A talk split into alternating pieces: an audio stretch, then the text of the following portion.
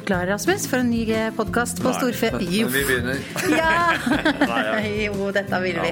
Eh, og særlig syns vi at det er veldig spennende med den podkasten vi også nå skal eh, ha inne eh, akkurat nå. Sitter det mm. to veldig, veldig interessante gjester. Eh, her er vi jo selvfølgelig de samme gamle, det har vi allerede fått eh, påpekt i dag. Eh, gamle Rasmus Langré og enda Nei, jeg er ikke enda eldre. Ikke enda eldre, nei, nei, nei, nei. Men nesten like gammel Oda Christensen. Med oss i studio så har vi fått to dyktige damer fra Matprat, som også er Opplysningskontoret for egg og kjøtt. Stemmer. Ja. Vi har en biolog og en sosiolog. Mm -hmm. Ja, Anne Sontag er eh, sosiologen. Ja. Mm. ja. Vil du fortelle litt mer om deg? Eh, ja. Um, jeg jobber jo da i Matprat. Jeg jobber som uh, samfunnsanalytiker. Um, det er jo litt sånn, De fleste kjenner jo Matprat kanskje gjennom at du søker bare på oppskrifter. Og får liksom forslag på pavlova eller biff bourgogne eller sånn. Men Matprat har jo Vi er et slags kompetansesenter med mange typer bakgrunner. Og jeg sitter vel egentlig mest og holder på med forbruksvanene til folk, da. Eh, både gjennom store spørreskjemaer og kartlegginger, men også at vi prøver å ha liksom tett dialog med forbrukere. Da. Eh, så det driver jeg med der. Ja. ja. Og i dag så har du hatt et eh, innlegg på Storfe 2023 sammen med kollega Katrine Lekang, Ja. ja. Som er biologen. Jeg blir biologen, ja. og, og, vil også fortelle om seg selv. Ja, så Jeg jobber da med bærekraft i Matprat. Eh, så i den gruppa som eh, jobber i Matprat, hvor vi jobber med samfunnstemaene ernæring, bærekraft og dyrevelferd. Så eh, En av våre oppgaver er jo da å kommunisere litt med hva som skjer i landbruket, både på klima og bærekraft, og hvordan husdyrproduksjonen pågår i det norske landbruket, ut i forbruker, og også delta med våre nyanser og momenter inn i samfunnsdebatten. Ikke sant. Og Debatten tenkte vi å begynne med. Da. Altså litt, eh, så hvordan, den, hvordan, disse trendene kommer fram når det gjelder forbruker og i forhold til nå ikke minst kosthold. Mm. Så jeg vet ikke om du Anne, kan begynne å si litt om eh, hvordan dette arter seg i dag? Jo, jeg snakket jo litt eh, om det i, tidligere i dag. Men det handler jo egentlig om at det har vært liksom veldig sånn hardt klima, debattklima. Eh, både liksom, selvfølgelig aviser, kronikker og sånn, men kanskje enda mer i sosiale medier. da. Um, og at denne liksom, debattklimaet er liksom så ille at man liksom kan snakke om en sånn aggressiv eh, En ordentlig mm. aggressiv, mm. altså mer enn Det er jo ikke en debatt, det er jo vill krangling, egentlig. Mm. Uh, hvor folk bruker litt sånn sterke virkemidler og liksom går bevisst inn og uh, ønsker å liksom fremkalle sinne eh, frykt, litt sånn Litt skam òg, er det det? Ja, skam. Mm. Alle disse sterke følelsene våre. Eh, og at man spiller egentlig eh, tidvis liksom på litt sånn Ja at det er på en måte debatten i seg selv og temperaturen som er nesten målet. da. Eh, for vanlige folk så melder man seg jo da ut. Eh, så et av de budskapene som jeg var veldig opptatt av å få frem i dag, handlet om at folk er jo ikke verken klimaaktivister, men heller ikke carnivores som eh, bare liksom spiser kjøtt og litt sånn De ligger midt imellom. Og veldig mange har jo trukket seg ut av denne debatten. De orker ikke å ta stilling til det. Så Nei, så egentlig gir ikke debatten egentlig noe den, den, tar ikke pulsen på hva forbruker, de store forbrukergruppene mener nødvendigvis? For... Nei, det tror jeg på en måte du kan si. Eh, det vi ser når vi snakker med folk, og i de undersøkelsene vi har, så ser vi f.eks. at det er veldig få, De fleste mennesker i Norge de er egentlig ganske glad i kjøtt. De opplever kjøtt som en på en måte naturlig del av et variert kosthold. Eh, at man spiser det ukentlig er helt vanlig. Eh, det er den ene siden. Men så ser man også at folk er liksom helt sånn innforstått med at jeg tror kanskje jeg skal spise litt mindre. Eh, en kjøttfri dag eller to i uka. Det er heller ikke noe de liksom tenker på som veldig rart. Så de tar jo på en måte litt argumenter fra begge sider og har en sånn moderat eh, ja, middelvei. Da. Mm. Så det um, ofte så Jeg syns det var interessant nå, for det var en, en forskningsrapport fra en ung student som viste egentlig at folk er mer villig til å litt sånn slippe opp på deler av kjøttet, f.eks. i kantina og sånn, enn egentlig kanskje politikere og sånn tror de er. da. Men man snakker jo ikke da om en kjøttfri kantine, man snakker kanskje bare om et par dager i uken, og det er liksom ikke noe problem. Mens fra den andre siden igjen så kan man jo lage sånn kjempeproblemer av den ene kjøttfrie dagen, og det er jo, eh, for da vanlige mennesker så er jo ikke det noe problem. Det er egentlig bare vanlig norsk kosthold. Ja. Men er det det problemet fordi at man blir fortalt nesten nærmest hvilken dag man skal ha kjøttfri, eller at det på en måte blir tatt et valg for deg som du ikke, som du ikke har, er herre over, liksom? Eh, jeg tror eh, Her er det jo veldig mange nyanser. Og jeg tror det kommer veldig an på om du snakker med menn eller kvinner på, dette, på disse tingene også. Eh, folk liker jo ikke å bli bestemt over. Men det er kanskje et sånn argument som brukes nesten mer politisk. At folk liker ikke å bli bestemt over. Mens veldig mange, spesielt unge mennesker, de ber jo nærmest nå myndighetene om å liksom gripe mer inn. Og styre, eller styre liksom kostholdet vårt inn i en mer sånn bærekraftig retning. Så det med at uh, folk ikke liker å bli fortalt, liksom, det er nesten mer en sånn retorikk fra uh, noen partier som er mm. veldig der. da. For hvis det er liksom gode argumenter for det, så tror jeg veldig mange er på en måte med på det også. da. Ja. Men, men Katrine, nå, eh, noen etterlyser på en måte mer råd, kostholdsråd, men det er jo lite som har skapt så mye debatt i senere tid som, som det som kommer fra Nordisk råds kostholdsanbefalinger, som vi ennå ikke vet hvordan helt konkret blir omsatt til norsk. men men har dere sett litt nærmere på, på måte, hva bakgrunnen er, forskningen som ligger bak her? For det har jo vært ganske mye støy rundt mm, det arbeidet som har skjedd før den rapporten kom? Ja, Det er jo et arbeid som vi har fulgt veldig tett fra oss. Både det faglige liksom, bakteppet som ligger bak den endelige mm. rapporten, men også hvordan prosessen har foregått. Og jeg tror kanskje det viser også veldig mye av hvorfor det blir såpass polarisert. Og det er jo at det ofte, de her rådene og tiltakene ofte ikke er så godt faglig eh, forankra. Så det at det, eh, det svart, er veldig sånn svartmalt, svartmalt og unyansert i hvordan det fremstilles. Og det å få frem flere av nyansene i debattene, og at det er godt faglig forankra, det må jo på en måte være løsningen på både få forbruker med på laget, eller for å få folk til å enes mer eh, rundt temaet med bærekraft og kosthold. Da. Ja, for, for, en, for, en, som ikke er ekspert, så virker det jo litt rart at, eh, at du nå slår sammen både storfekjøtt og svin og, og sau, og uavhengig av hvordan dyra fôres. Det vil liksom alt det heter bare rødt kjøtt. Og så har du liksom kommet fram til akkurat 350 gram i uka, på en måte. Sånn, jeg har jo ennå ikke sett at det blir framlagt noe konkret liksom, forskning som viser at du havna akkurat på 350 gram. Nei, og Der er det 350 gram. Det er ut fra helsemessige begrunnelser. Ja, ja. Og Der har vi jo også eh, gjort undersøkelser og på en måte knekt fra hverandre den argumentasjonen og kommet fram til at det faglige grunnlaget for å redusere dagens anbefaling, som er 500 gram, ned til 350 gram, den er ikke sterk nok.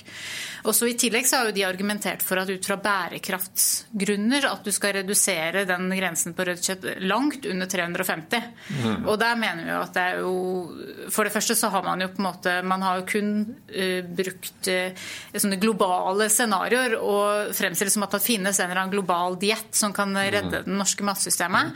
Og brukt de her snittverdiene på norske forhold. Og det, det, er jo ingen land som stemmer overens med globale snittverdier. Og i hvert fall ikke Norge. Mm. Så man er nødt til å gjøre gode undersøkelser mm. på, eh, på norsk på norske forhold og norsk produksjon da, for å kunne si noe om hvor mye som er bærekraftig å spise i Norge. Ja, og Det virker jo nå som et ut fra signalet som er gitt fra både Norge og Sverige, at bærekraft på en måte blir kuttet ut fra disse kostholdsanbefalingene? Eh, ja, jeg tror det skal i hvert fall være ute av de kvantitative rådene. Men ja. at det fortsatt får en plass i kostholdsrådene, mm. har vel også blitt signalisert. Men det er vel mer sånn usikkerhet rundt mm. hva slags plass det blir. Da. Mm, mm. Men Storfe, nå, Storfe 2023 ble jo åpnet av eh, statsråd Geir Pollestad sammen med, med Arne Bardalen. Um, og der sier jo Pollestad opptil flere ganger uh, under den samtalen at vi er nødt til å ha våre egne rapporter. Vi må ha våre egne resultater. Hva jobbes det med? Vet vi det? Har dere noe oversikt over hvordan det jobbes nå framover på forskningen? Ja, vi har jo Ja, det kan kanskje den ja, sånn På nasjonalt nivå så driver jeg til at NIBIO jobber med en utredning av bærekraft i det norske matsystemet.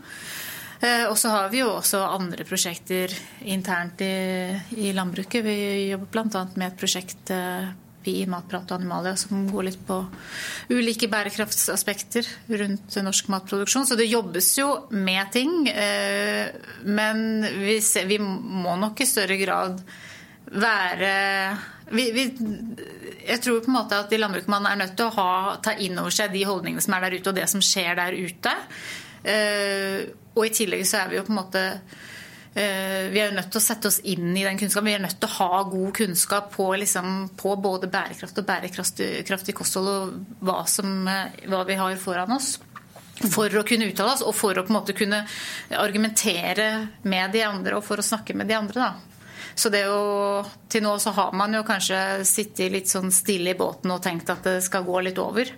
Eh, det kommer det ikke til å gjøre. Så vi er nødt til å delta i debatten mm. og delta med vår kunnskap. Vi er nødt til å få vår kunnskap ut i samfunnet. Men, eh, men Anne, hvis du ser på det med, med, hva som betyr noe når folk er i butikken mm. Hvor høyt scorer på en måte bærekraft er? Hva er det som er viktigst? Jeg synes uh, Sånne ting synes jeg er uh, jeg, Vi har jo Eller vi spør jo folk. Uh, Eh, og da svarer de jo i et skjema, så har de litt sånn, kan de krysse av på det.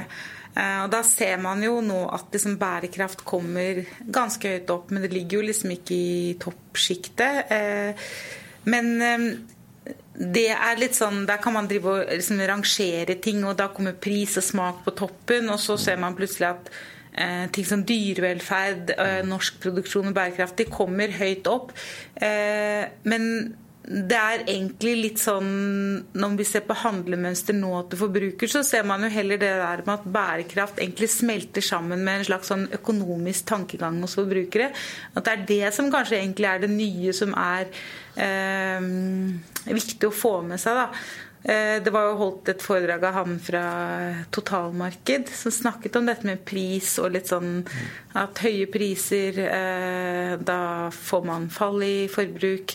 Eh, og at man kanskje tenker at pris er det som styrer mest. Men man må også erkjenne nå at det har vært snakket i flere år om at ikke bare forbruk av kjøtt, men flyreiser og alle disse tingene Vi må på en måte dempe, noe må skje. Og det er også i ferd med å sige litt inn hos folk. Og det merker du at de har utviklet en mye mer sånn, en litt sånn bedre forståelse for bærekraftstankegangen enn de hadde når jeg begynte å jobbe med dette her. og hvert fall litt sånn i starten av 2000 så var det veldig, ja, veldig sært. Men det med dyrtid, og det er en situasjon der mange får sliter mer økonomisk, og, mm. og sannsynligvis vil det bare forsterke seg utover neste år, og så vil det føre til at bærekraft kommer på en måte lenger ned, og at det med pris blir enda viktigere? Eller har det på en måte satt seg så, så djupt at det på en måte vil det overlever økonomiske vanskelige tider? Da? Ja, jeg eh, tror jo eh, ikke sant? Bærekraft er et stort, veldig stort begrep.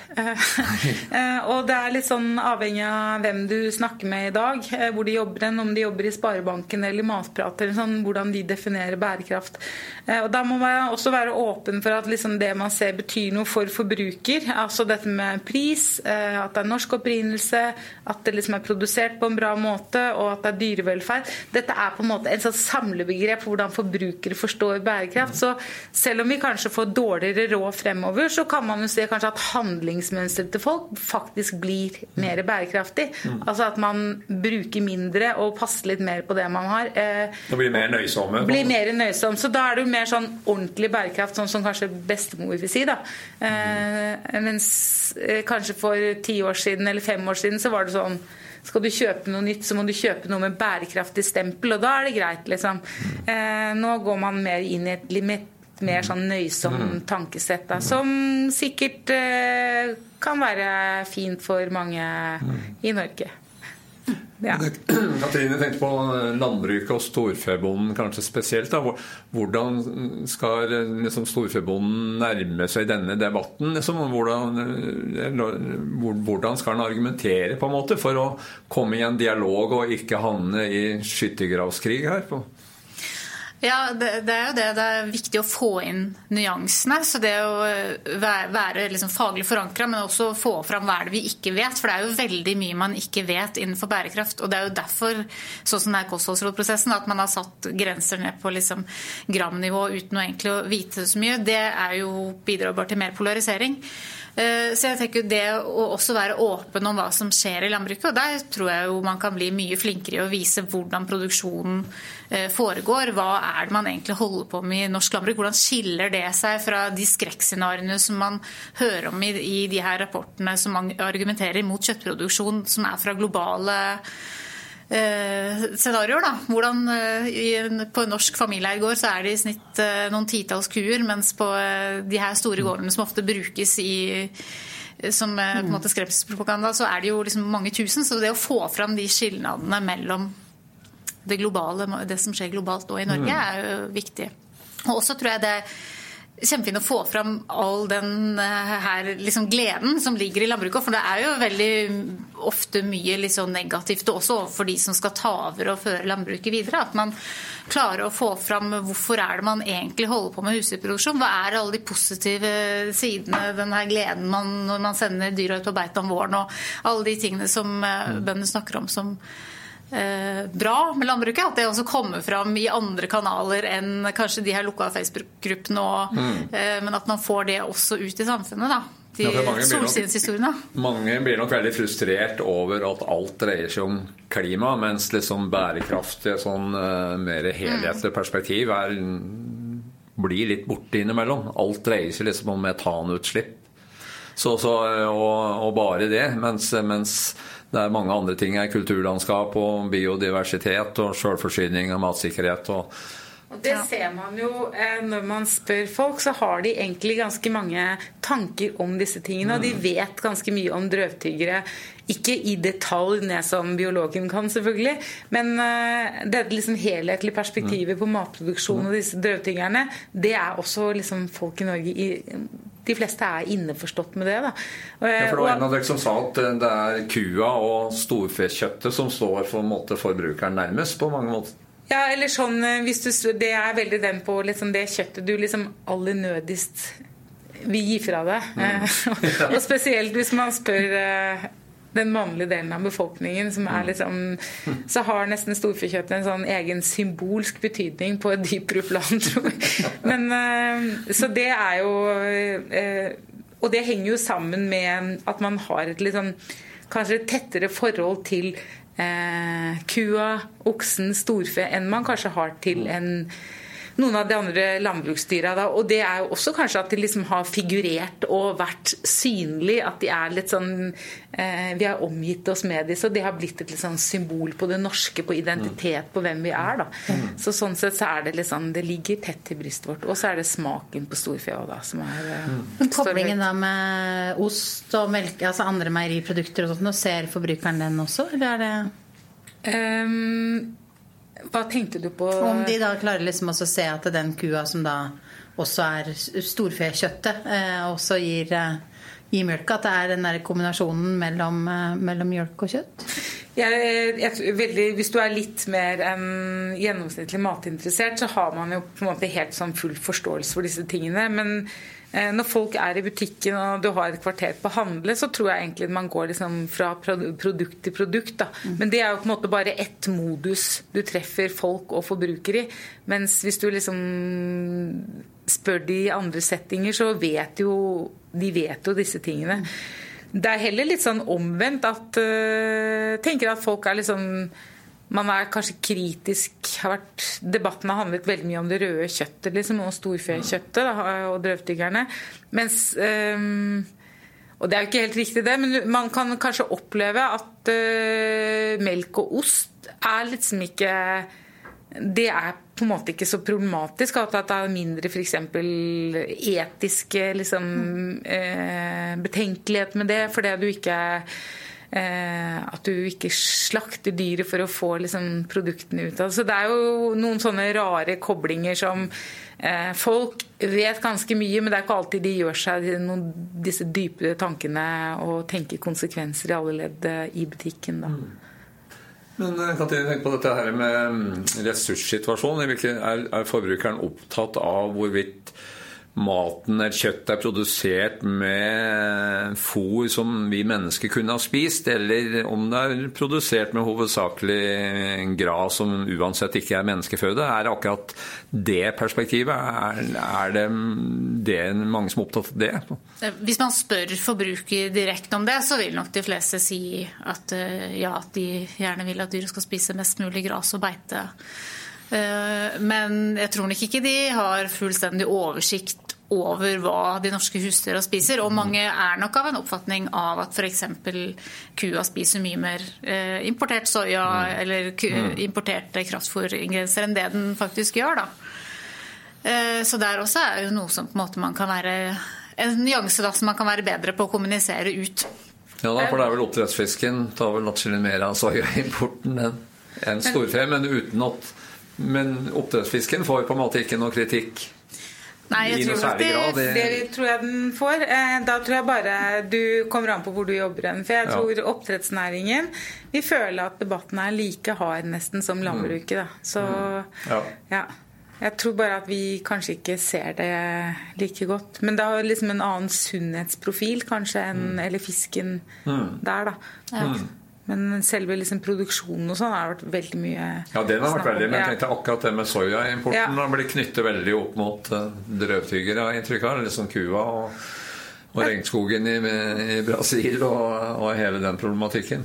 Jeg tror både liksom, Tenk på liksom, oppdrettsproduksjon, så er bare, liksom, de har de samme knaggene knytta til liksom, eh, soya, men også dette med antibiotikabruk, mm. selv om det er egentlig ikke noen problemstilling. Men disse knaggene henger igjen hos mm, mm. forbrukere enda. Mm. mm. Men det jeg tenkte på at jeg skulle si eh, i sted når du snakket om folk, da, eller forbrukere, at de de, liksom sånn, de, de, trodde at kua bare spiste gress. Det var det de forholdt seg nesten til. Og så får du høre at den, bare, at den bare, spiser importert. Så hva er på en måte det imellom? Det er liksom en uklar Det vet man jo ikke så mye om hvis man ikke har liksom familie, venner eller er tett på landbruket selv. Og det er sånne ting som man kanskje man er avlært de siste 30 årene. Har du bare trengt å gå og plukke et stykke kjøtt i butikken og mm. tenkt på pris.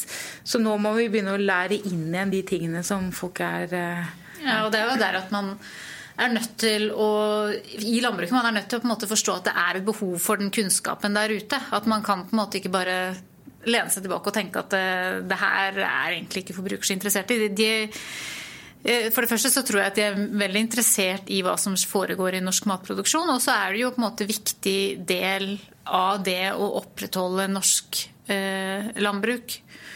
Og veldig mange beslutningsprosesser som pågår nå og fremover.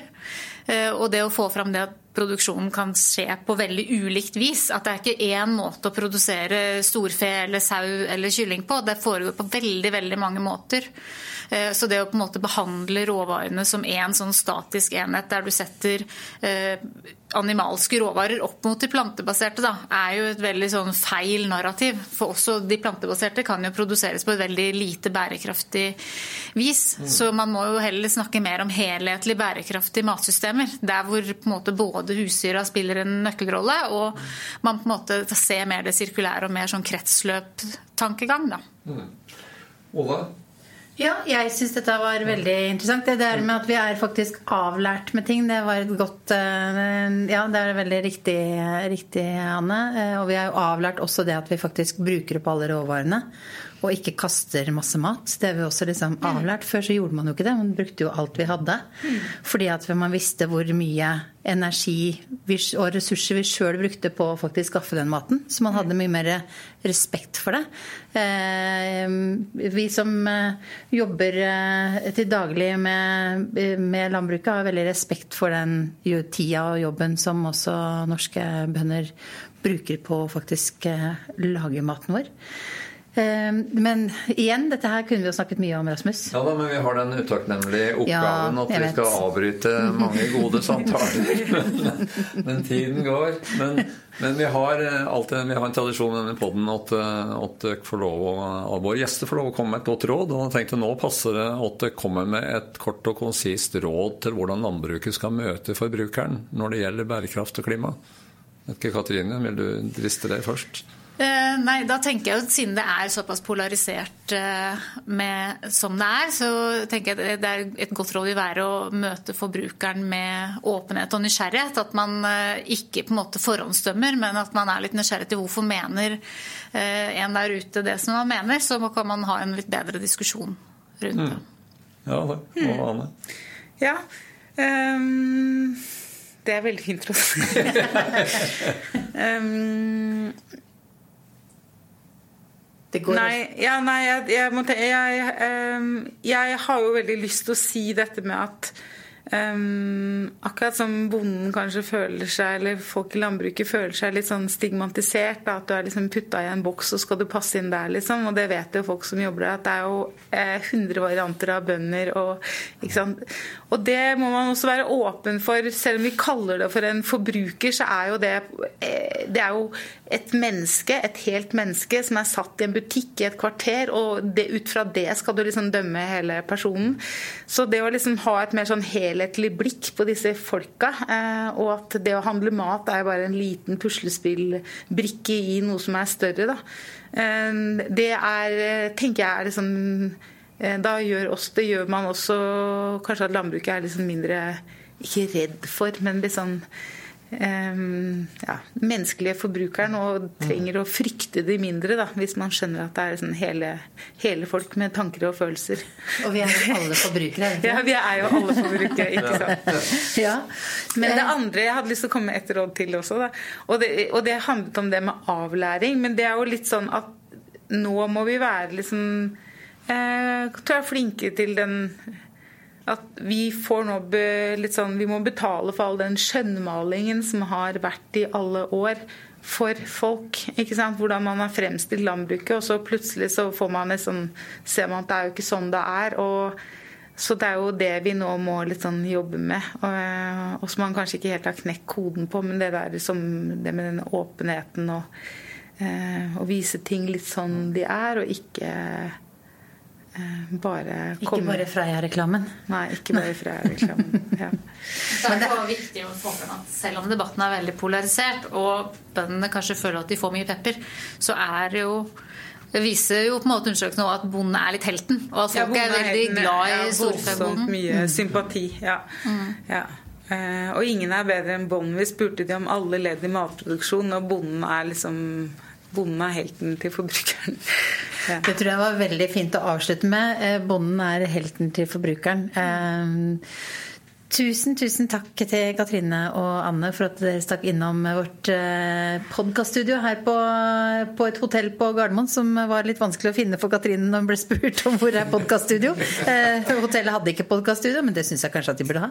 Eh, Ethvert godt hotell burde hatt et podkaststudio. Ja, det må det være. Eh, tusen takk for at dere kom. Eh, da, Rasmus, det, da var dag én over for oss for Storfe 2023. Ja da, ja. men det kommer flere dager. I hvert fall én dag til. I hvert fall én dag til, så det gleder vi oss veldig til. Mm. Denne podden finner du selvfølgelig på alle, andre, alle steder som du finner eh, podkast på vanligvis, og du finner også lenken inne på geno.no. Tusen takk. Takk for oss. Takk for oss. Takk for oss.